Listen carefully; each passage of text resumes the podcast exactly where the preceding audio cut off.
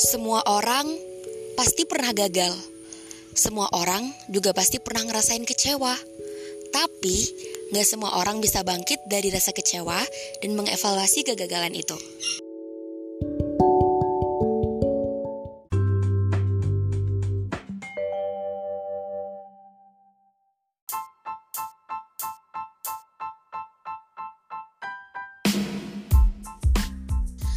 Semua, balik lagi bareng aku Aul Tentunya di zona kegabutan aku Podcast aku cerita aku Kalian apa kabar? Lagi sedih ya? Atau lagi seneng? Atau biasa aja? Pokoknya, apa pun kondisi dan situasinya Tetap semangat ya Semoga segala sesuatunya baik-baik aja Di episode ini aku mau bicarain tentang kegagalan dan kondisi-kondisi atau perasaan-perasaan yang mengikuti atau menggandeng kegagalan ini. Kayak kecewa, sedih, putus asa, dan lain-lain. Kalian pernah gak sih gagal? Pernah. Sama kok, aku juga. Entah itu gagal dalam memenangkan suatu perlombaan, gagal masuk perguruan tinggi favorit, yang secara garis besarnya gagal dari hal-hal yang kita pengen banget dapetin itu. Ujung-ujungnya kecewa deh. Bahkan kadang karena udah ngerasa capek banget mau move kayak susah banget buat ikhlasin itu, jadinya putus asa dan mau ngapa-ngapain jadi males gitu. Kayak alah ngapain juga aku gini orang ujung-ujungnya juga gagal. Jadinya stuck deh. Aku pernah ngerasain kecewa parah dan hampir putus asa lah ya karena aku gagal dan aku susah banget mau ikhlasin itu.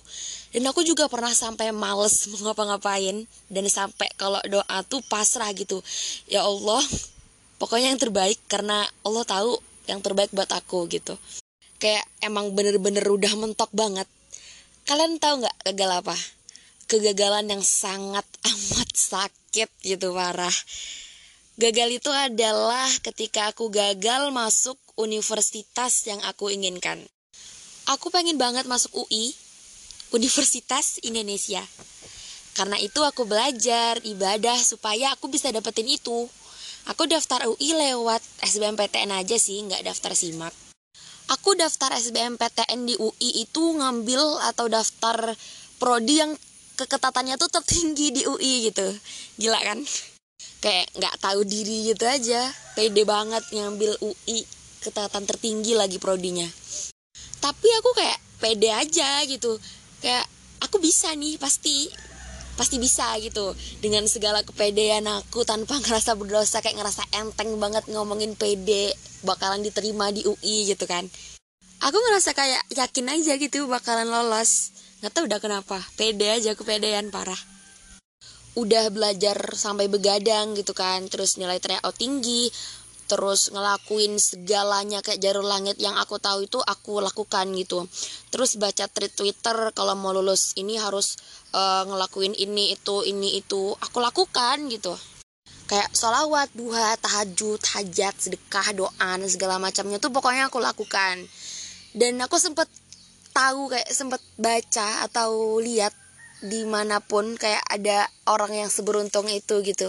Ya memang mungkin karena dia usahanya lebih besar ya terus emang rezekinya dia juga. Kayak uh, dia tuh bisa lolos di PTN top nggak cuma satu gitu. Kayak misalnya dia lolos di UI terus dia juga lolos di ITB lolos juga di Unpad di Undip kayak gitu. Kayak wow keren gitu. Kayak pengen gak sih seberuntung itu gitu dan pada akhirnya pada tanggal 14 Juni dipatahkan oleh kenyataan Aulia Kunisa Adati tidak lulus seleksi LTMPTS BMPTN 2021.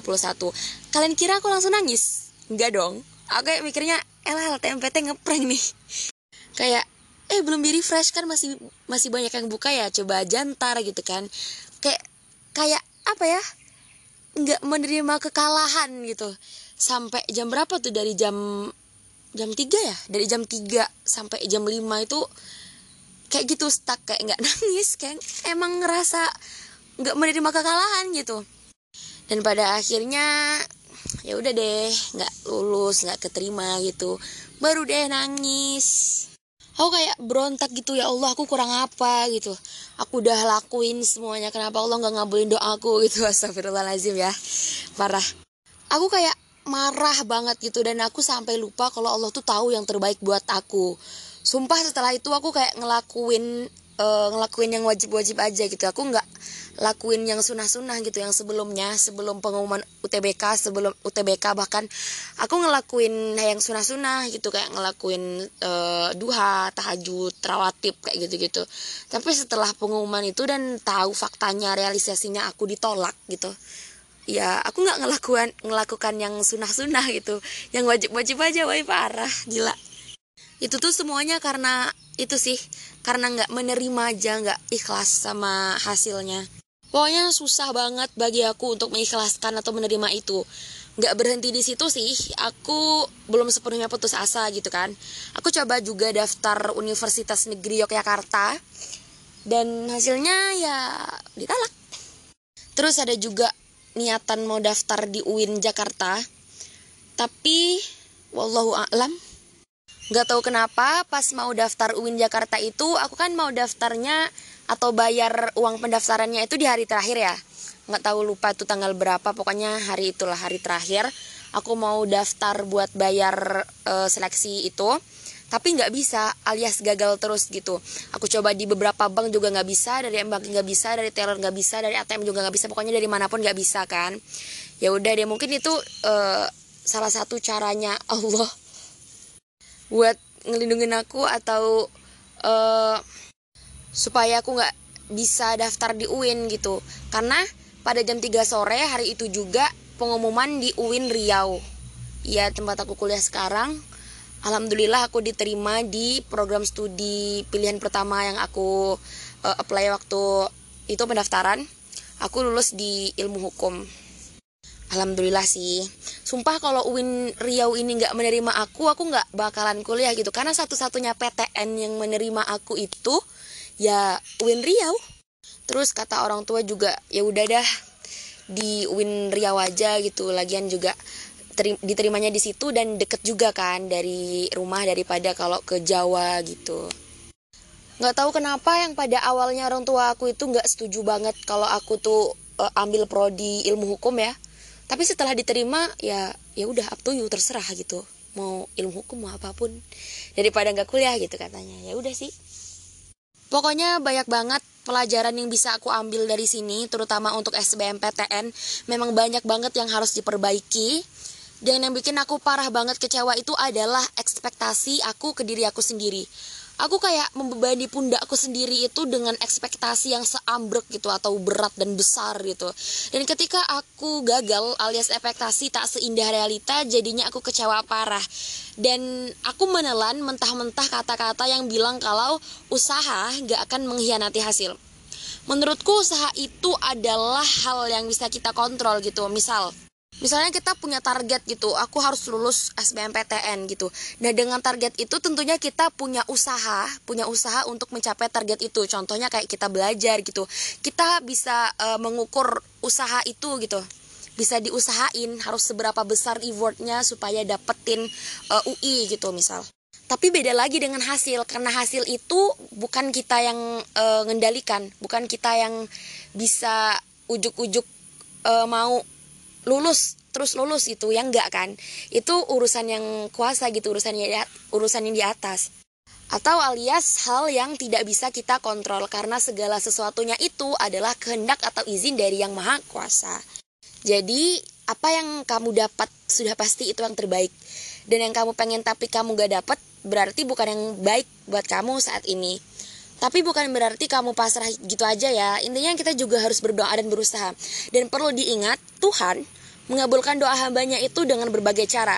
Yang pertama, kemungkinan doa itu dikabulkan sesuai dengan permintaan yang diajukan uh, dalam waktu segera gitu, alias uh, langsung dapat gitu.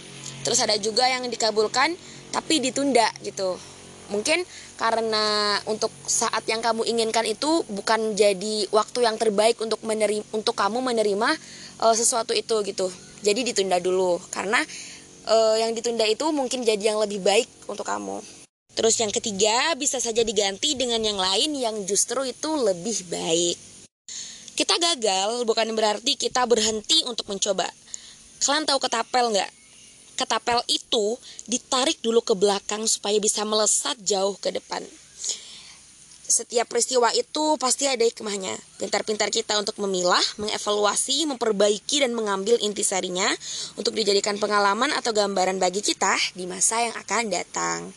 Sekian dulu dari aku ya, sampai jumpa di episode selanjutnya. Dadah!